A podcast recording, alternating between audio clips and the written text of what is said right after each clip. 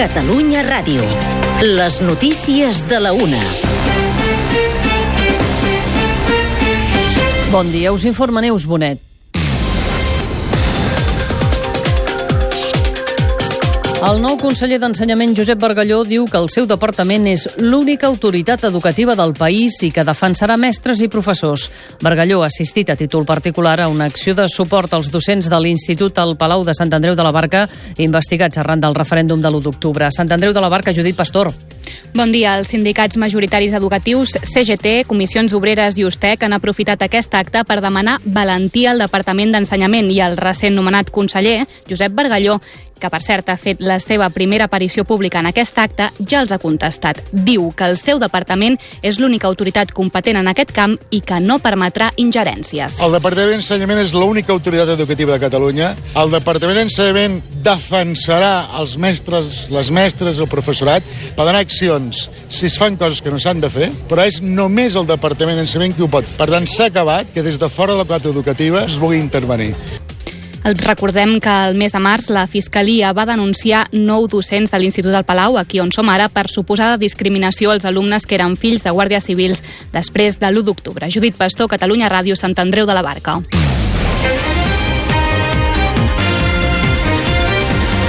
Més notícies, Jordi Barranca. Investiguen una agressió sexual a una menor a la sala Rasmatàs de Barcelona. Es tractaria d'una agressió múltiple que hauria patit la menor a l'interior de la sala.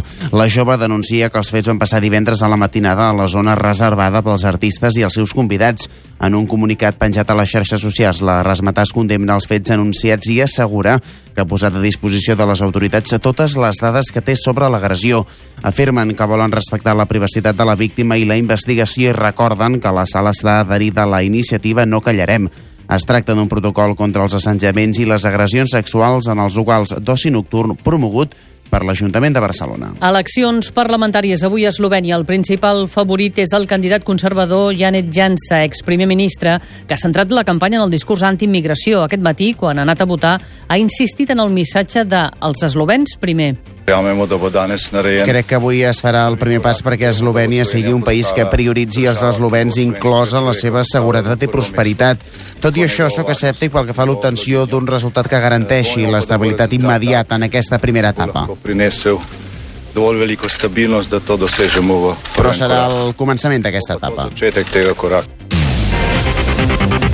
El risc d'atemptat islamistes al Regne Unit es mantindrà almenys dos anys més, segons ha informat avui el Ministeri Britànic de l'Interior. L'alerta actual és de nivell 4 en una escala de 5 i el govern considera que continuarà així fins l'any 2020, sense descartar que fins i tot pugui pujar al màxim. L'advertència coincideix amb el primer aniversari de l'atemptat del pont de Londres, quan un escamot islamista va atropellar els vianants i després va apunyalar la gent de la zona.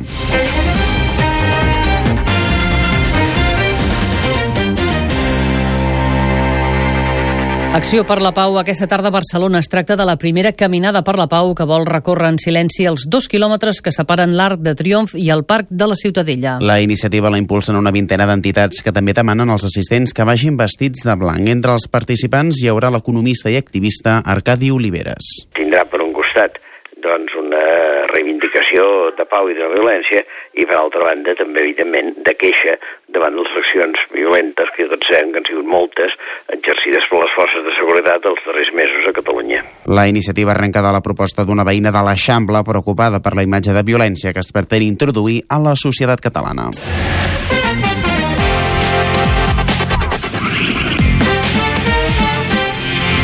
Esports, Albert Benet. L'Espanyol ha confirmat aquest matí que Rubi serà l'entrenador de l'equip la pròxima temporada. El tècnic català, que té 48 anys i acaba de pujar a l'Osca a primera divisió, firma per dues temporades i el presentaran demà al migdia a les 12 a Cornellà al Prat. D'aquí una hora a les dues es disputarà la cursa de MotoGP del Gran Premi d'Itàlia amb Valentino Rossi des de la Pol. Ara s'està disputant la de Moto2. Circuit de Mugello, Damià Aguilar, bon dia. Bon dia, s'ha acabat aquesta cursa amb la victòria de Miguel Oliveira, el portuguès, sobre Baldassarri i Joan Mir, que repeteix podi, quarta posició pel líder Peco Banyalla, cinquena per Àlex Márquez, novena per Xavi Vierge, fora dels punts, Isaac Viñales, Àlex Márquez és quart de la general amb 78 punts per 111 de Peco Banyalla, que manté el lideratge en Moto3, Jorge Martín ha aconseguit la victòria, la tercera de la temporada, i s'acosta a 3 punts del líder Marco Bezzecchi. Albert Arenas ha acabat 14è. Damià Aguilar, Catalunya Ràdio, Circuit de Mugello. El Manresa rep el Melilla aquest vespre en el segon partit de la final per l'ascens a la Lliga CB de bàsquet. El partit és a les 8 i l'equip del Bages domina per 1 a 0. També avui es juguen les finals de les lligues d'hoquei herba. A la tarda la masculina Polo Júnior i ara a la una hauria d'haver començat la femenina júnior Reial Societat. Instal·lacions del Polo a Barcelona. Xavi Soler, bon dia. Bon dia. Fa 5 minuts que juga aquesta final sense gols, empat a 0, la possessió pel júnior, però sense ocasions de perill. 12 minuts pel final del primer quart. Comença a ploure amb intensitat a les instal·lacions del Polo. Júnior 0, Real Societat 0. Xavi Soler, Catalunya Ràdio, instal·lacions del Polo. Fins aquí les notícies.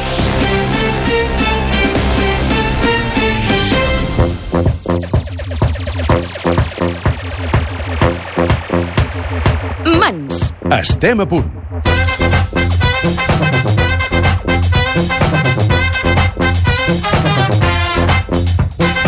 Bon dia, bona hora. Són la una i pocs minuts d'aquest primer diumenge de juny. Un diumenge més a Catalunya Ràdio. Comencem una nova hora del Mans, el programa de la festa i la cultura de la Real a la Ràdio Nacional i més festiva de Catalunya. I avui tenim un programa ben ple de temes que us anirem explicant fins dos quarts de dues del migdia. I és que avui el Mans acabarà amb els senyals de dos quarts perquè avui hi ha gran premi de MotoGP a Itàlia i a Catalunya Ràdio en farem el seguiment. Però amortirem aquests 20 minuts llargs que tenim per parlar, com no, de corpus. Al país ara mateix hi ha una estesa floral important de catifes, hi ha ramades, hi ha patum, us parlarem també d'aquestes celebracions i farem una reflexió sobre el que representa la seva catalogació com a element del patrimoni mundial. Sentirem els protagonistes de dos dels principals aplecs que es fan avui al país, el Degà, a Calella, i el Salat, a l'Escala. I us parlarem d'una experiència única a les escoles. Què passa quan barreges rap, glosa d'arrel i missatges socials? Doncs això és l'improversem. Demà passat, Cor de Carxofa celebra la final d'aquest projecte Sant Adrià del Besòs. En parlarem també al mans d'avui diumenge. Tot plegat en un programa que us oferim a Misma Cebrián als controls, també amb Dani Expósito, Berta Vancell, Sergi Vives, Esther Plana i Quim Rullan. Al país, però, ara mateix ja estan passant un munt de coses que tot seguit repassem. Vinguis d'on vinguis, desperta l'aborigen.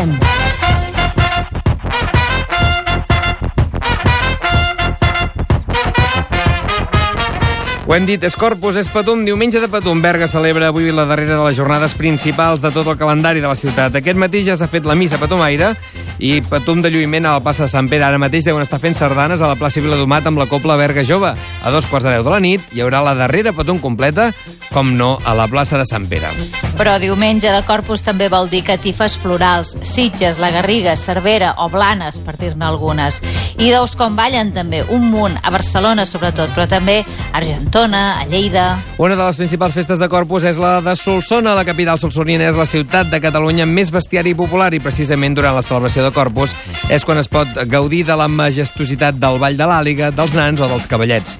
A la tarda surten el bou, el drac i la molassa corrent per la plaça Major. Molt destacades són també les celebracions de les enramades, festes populars amb carrers guarnits i amb una estructura molt marcada. És el cas de les d'Arbúcies, que s'allargaran barri per barri fins al proper dia 6, o Sallent fins demà mateix. A l'Eixample de Barcelona, entre Diputació i Diagonal, al carrer Girona, avui hi ha la vuitena bicicletada modernista o la novena transeixample gegantera. És la Fira del Modernisme de Barcelona. Festa del Timbaler del Bruc, el Bruc, o bé de les Cireres a Torrelles del Llobregat i també el Papiol. O bé Fira d'Artesania a Canet de Mar i Fira de la Rosa a Roses. Acabarem a Sant Quintí de Mediona, on avui acaba la quarta quintinada i al campus Joan Amades de Cultura Popular i Tradicional del Penedès.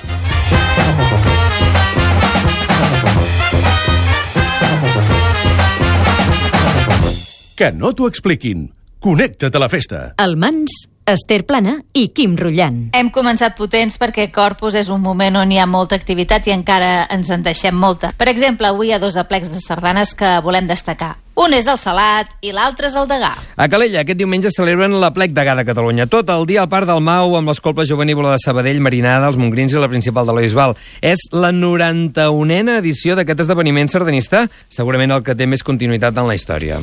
I a l'Escala celebren el 41è plec amb la ciutat de Girona, la principal de l'Escala i la Cobla Rossinyolets, a la plaça Catalunya. Una plec amb sis estrenes. Ens en parlen els seus presidents de les entitats organitzadores. A Calella, la Pec Caral Pedemonte i a l'Escala, en Jordi Gallego. Diumenge acollim el dia 3 de juny a la Plec Pairal de Catalunya. Nosaltres ens fa molta il·lusió com a junta renovada que som. Aquell dia s'estrenaran dues sardanes, uh, una uh, dedicada a la Copla Juvenívola de Sabadell uh, pels seus 40 anys a la plec de Calella que l'ha fet el Joan Lázaro i també una sardana que des de l'agrupació doncs, ens fa molta il·lusió que l'ha fet el Ferran Carballido i que es titula Artífex Impulsors i el dia de la plec sabrem a qui va dedicada i per què nosaltres hem encarregat de fer aquesta sardana. El dia 3 de juny doncs, acollim la plec de Calella amb les coples eh, Marina de Juvenil de Sabadell, però també la Copla Montgrills i la Copla Principal de la Bisbal, com és habitual al Parc del Mau, que és un indret molt bonic de la nostra població, i tenim uh, moltes coses per oferir. Aquest any, enguany, les sardanes són de set tirades. Hem fet un canvi i una renovació en l'estil també de les sardanes que s'interpretaran, però creiem que hi haurà per tots els gustos. Hi haurà sardanes ben airoses, ben balladores i també sardanes uh, més clàssiques i més uh, potser d'un altre estil uh, que, que pot agradar altres sensibilitats i des de l'agrupació estem molt contents perquè ho tenim tot llest perquè puguem celebrar el 91è aplec de la sardana de Calella que és el Pairal de Catalunya.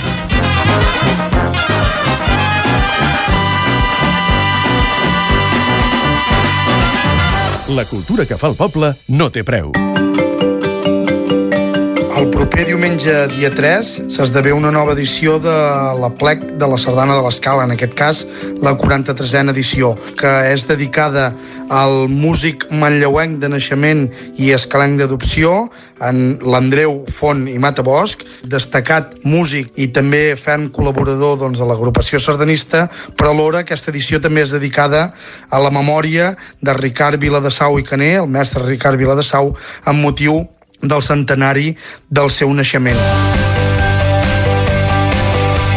Serà a plaça Catalunya. Hi haurà un repertori ben ballador que ens eh, duran a terme les cobles Rossinyolets de Castelló d'Empúries, la principal de l'Escala, i la ciutat de Girona, però també val a destacar que dins de tot aquest repertori hi ha les sardanes recuperades de l'avi Xaixo, la sardana de capital de la sardana, la sardana del Dia Universal de la Sardana, però també doncs, eh, tot un seguit de sardanes que també serviran doncs, per commemorar el 40è aniversari des que l'agrupació sardanista Avi Xaixo té el seu nom i també destacar doncs, que hi hauran sis sardanes d'estrena. També hi haurà el cinquè concurs de colles improvisades i com a novetat aquest any a la sessió del matí tindrem el concurs La Sardana Lligada, una primera edició en la qual doncs, fem un repte a tots els sardanistes perquè puguin treure aquesta sardana lligada que és com una sardana revessa senzilla. L'escala és la plec més salat.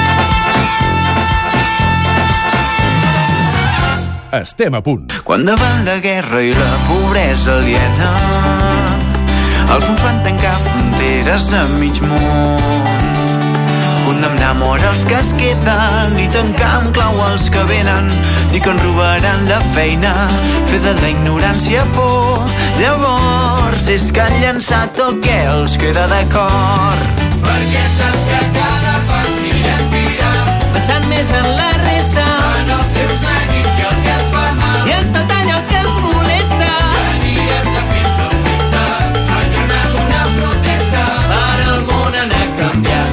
cada pas.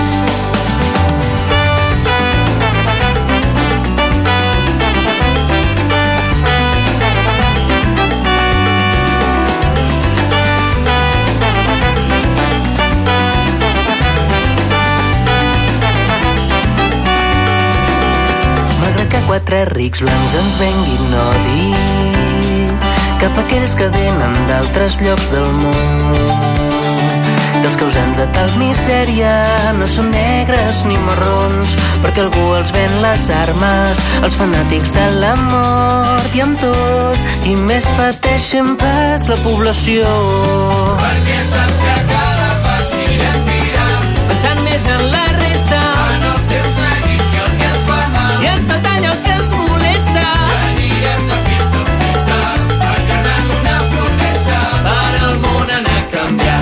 canviant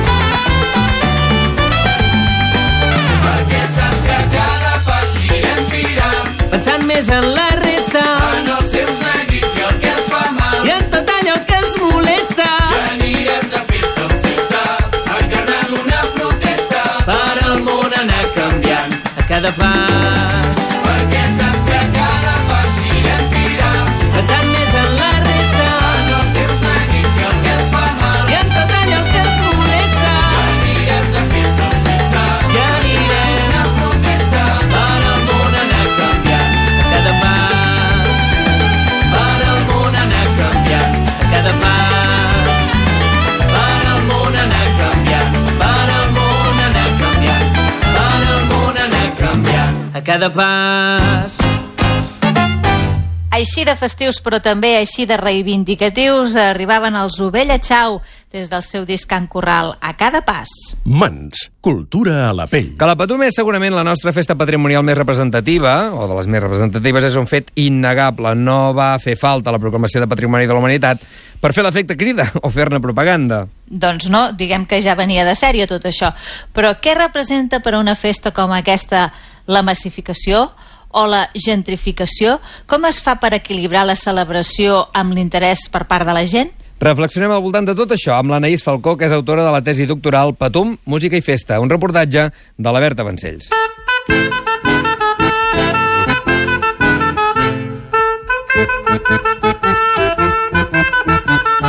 Justament un dels temes que els va interessar la meva tesi era aquest de morir d'èxit o viure l'essència, perquè jo sempre em mostrava una mica reticent a vegades a, a mostrar a potenciar d'una manera determinada les festes. Podem dir que voler patrimonialitzar una festa és més negatiu que positiu? Patrimonialitzar té unes afectacions. No necessàriament sempre són dolentes, però hi ha un abús tan gran en patrimonialitzar-les que a vegades es passa per un factor molt petit, molt local o determinat, però a vegades és ja caràcter eh, mundial, no? com trobem amb els patrimonis immaterials de la humanitat.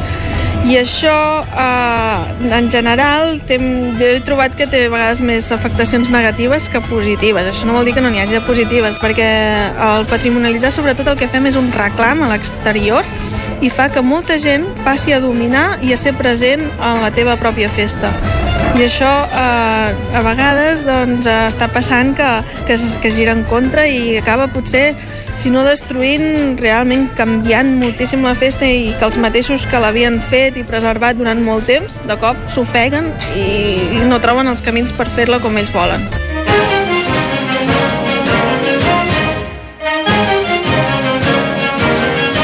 Perquè quines serien les motivacions que ens porten a patrimonialitzar una festa? Per una banda és el reclam al visitant, que això crea una massificació, exemple, per exemple de Patum, no? que realment el problema que hi ha més gran i actual és la massificació.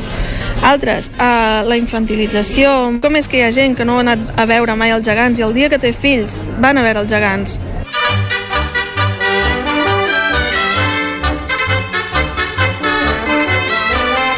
Però podríem dir-ne que és una manera fàcil de, de ser reconegut? Penso que, que les polítiques que s'estan fent des de cultura popular han d'anar més orientades a donar l'ajuda en cada element i diferenciar-les. Uh, I no tant en que si alguna cosa és reconeguda per algun òrgan, aquella s'ho mereix un, un ajut i un altre no, o un element sí, un altre element no, simplement perquè aquell és considerat que és més important que un altre. Perquè això ens crea coses com que els castells, per exemple, poden ser l'emblema de, de tot Catalunya, però potser uh, una processó de Setmana Santa d'un lloc determinat eh, és més important que no pas que aquell poble que mai ha tingut castells que tingui castells.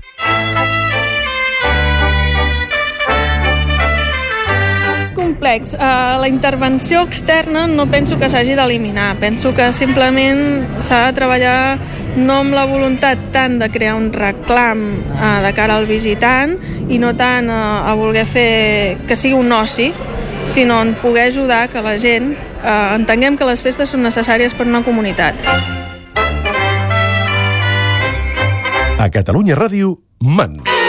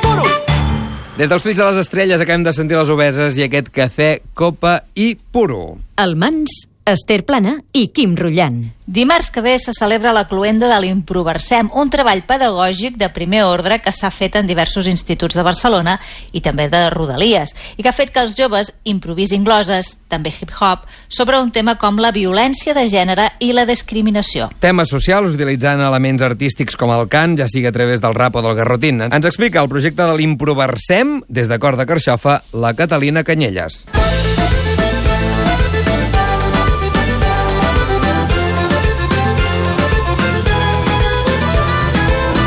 Improversem és un projecte que té per finalitat la reflexió i el debat a les aules, això està marcat a secundària, i que aquesta reflexió i aquest debat eh, sigui a través de la oralitat i en concret a través del rap i a través de la cançó improvisada. Llavors, sempre hi ha un tema de debat, en aquest cas enguany és la violència de gènere, el masclisme, tot volta aquí, i després, doncs, eh, fent una cançó de rap, cadascú fent les seves creacions i després aprenent a fer cançó improvisada i, i poder transmetre sensacions a través de la, dels garrotins, de la cançó improvisada, eh, aquest és l'objectiu de, de l'Improversem.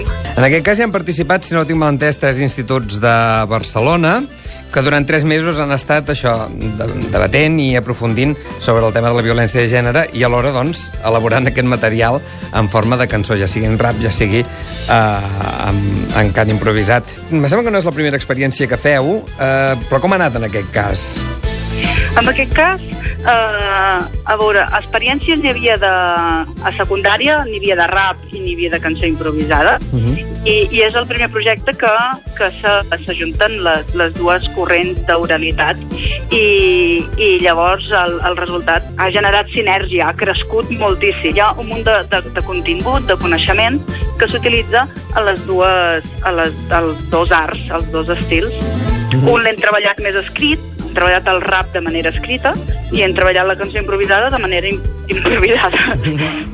Al garrotín, al garrotant, a la vera, vera, vera de San Juan. Clar, quan deixes que els nens escriguin, parlin, dialoguin, clar, allà hi surt tot, allà hi surt tot. Sí, sí, ja s'ha generat, eh, s'ha visibilitzat coses, no, no, ha estat, ha estat molt, molt interessant. El proper dia 5 de juny, eh, a les 11 del matí, a l'Auditori d'Institut del barri Besòs es farà l'espectacle final. Hi haurà a Marcel Marimón com a, com a músic eh, gui, mm, de, amb la guitarra, però més també hi haurà els alumnes que hagin anat al taller d'aprofundiment en rumba. Hi haurà el DJ, que és el, el Basili, però a més hi haurà els alumnes que hagin estat amb el taller seu de, de DJ. Reflexió i debat mitjançant l'oralitat, aquesta vegada al voltant de la violència de gènere, a través del rap i del cant improvisat.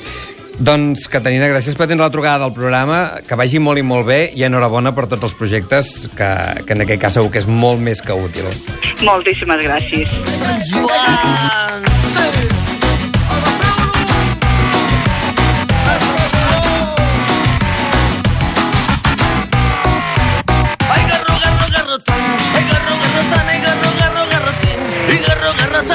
La cultura que fa el poble no té preu. Doncs fins aquí el programa en el dia d'avui, que ja arribem a dos quarts de dues d'aquest migdia. Els controls, Isma Cebrián i Dani Expósito. Us hem acompanyat amb en Sergi Vives, la Berta Vancells, l'Ester Plana i en Quim Rutllant. I arribarem al punt de dos quarts amb la Lidé Sanz des del seu últim treball, l'Enerecle. Sentim aquesta Era Revolució de Conxita.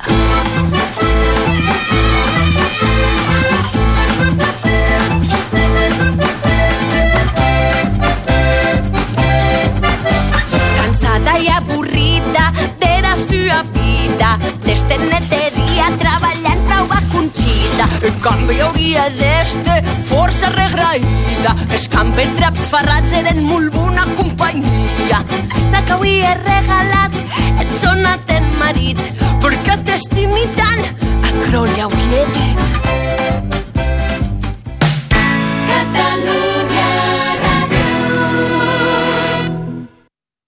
A vendermicotxe.es comprem cotxes, molts de cotxes, moltíssims cotxes, i volem comprar el teu. T'oferim la màxima taxació, millor preu garantit, pagament immediat i totes les gestions gratis. Som especialistes i te'n donem el màxim. Fes ara la taxació gratuïta online o visita'ns. Vendermicotxe.es. Som a Barcelona, carrer Equador 38 i a Cornellà, passeig dels Ferrocarrils Catalans 225.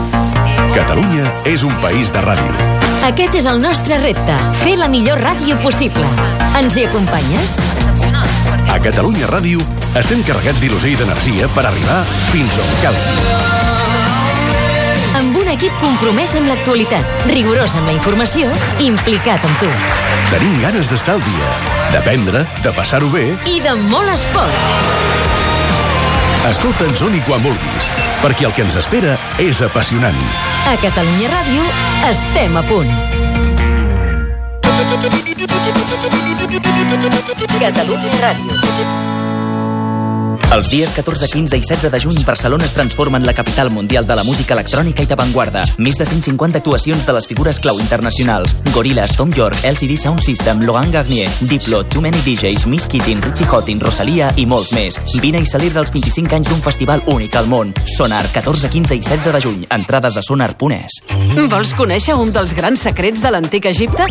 Aquest mes amb la revista Petit Sapiens t'ho descobrirem tot sobre els jeroglífics. A més, t'ensenyarem com eren els primers superherois. Viatjaràs en el temps amb els millors còmics i t'ho passaràs d'allò més bé amb els passatemps. No te la pots perdre. Petit Sapiens ja és al teu quiosc. Setmanari La República. Aquest cap de setmana als quioscos. Dissabte per 2 euros i diumenge per 2 euros i mig amb el punt avui, lrp.cat. Sabies que les platges metropolitanes reben 10 milions i mig d'usuaris l'any? El proper diumenge 17 de juny, al suplement, farem un recorregut pel litoral metropolità i descobriràs quines personalitats tenen les platges, des de les urbanes fins a les més naturalitzades.